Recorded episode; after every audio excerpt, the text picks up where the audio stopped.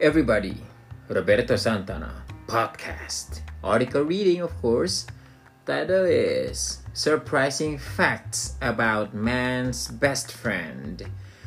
You may be the world's biggest dog lover, but do you know why dogs turn around in circles before they lie down? Or why their noses are wet? Keep keep reading. Um, I mean, keep listening to find out. Circling for survival. Before they became man's best friend, dogs in the wild looked after themselves.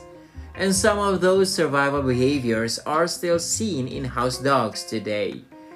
Some believe that dogs would circle to push down grass and create a more comfortable place to rest. Others say it may have been done to scare away smaller animals hiding on the ground and to check the area for danger one last time before resting.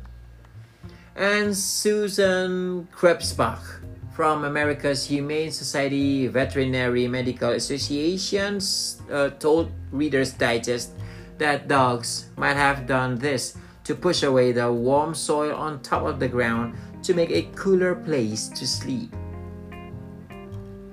Wet noses. One of the reasons dogs' noses are wet is that they release mucus that helps them smell. This is according to Peter Lance from the St. Francis Veterinary Center in New Jersey in an interview with Reader's Digest.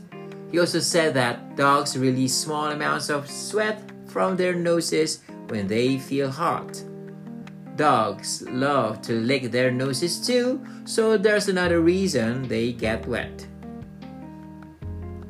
Next, blind at birth. Dogs are born born sorry, dogs are born with their eyes closed because they are not fully developed yet, meaning they can't see.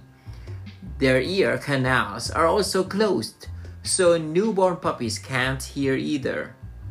Most dogs begin to open their eyes and ears when they are about two weeks old, according to Psychology Today. Although they can't see well for another few weeks after this, their ear canals are usually further developed when they open. So, dogs can often hear before they can see. And that's it, everyone. Thank you so much for listening. I'll see you again. I'll see you around. Bye bye.